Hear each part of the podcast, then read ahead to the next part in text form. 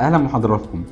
أنا محمد العجمي إيه، مهندس biomedical ماجستير إدارة الأعمال من الأكاديمية العربية في ال international business و DBA candidate في من الأكاديمية العربية في ال entrepreneurship هلتقي معاكم في أكتر من حلقة في بودكاست جديدة هنعملها أنا وزميلي ماركو حنا.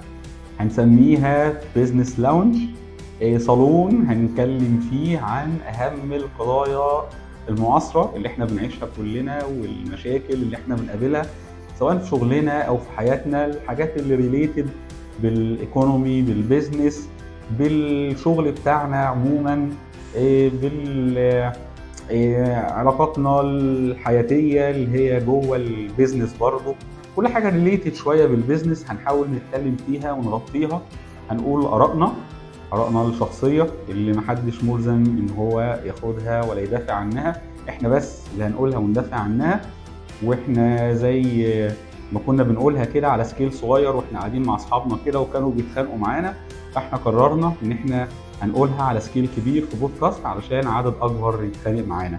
هنتمنى إن إحنا نفيدكم ونستفيد منكم ونتمنى إن إحنا نتشرف دايما بإن أنتوا تتابعونا.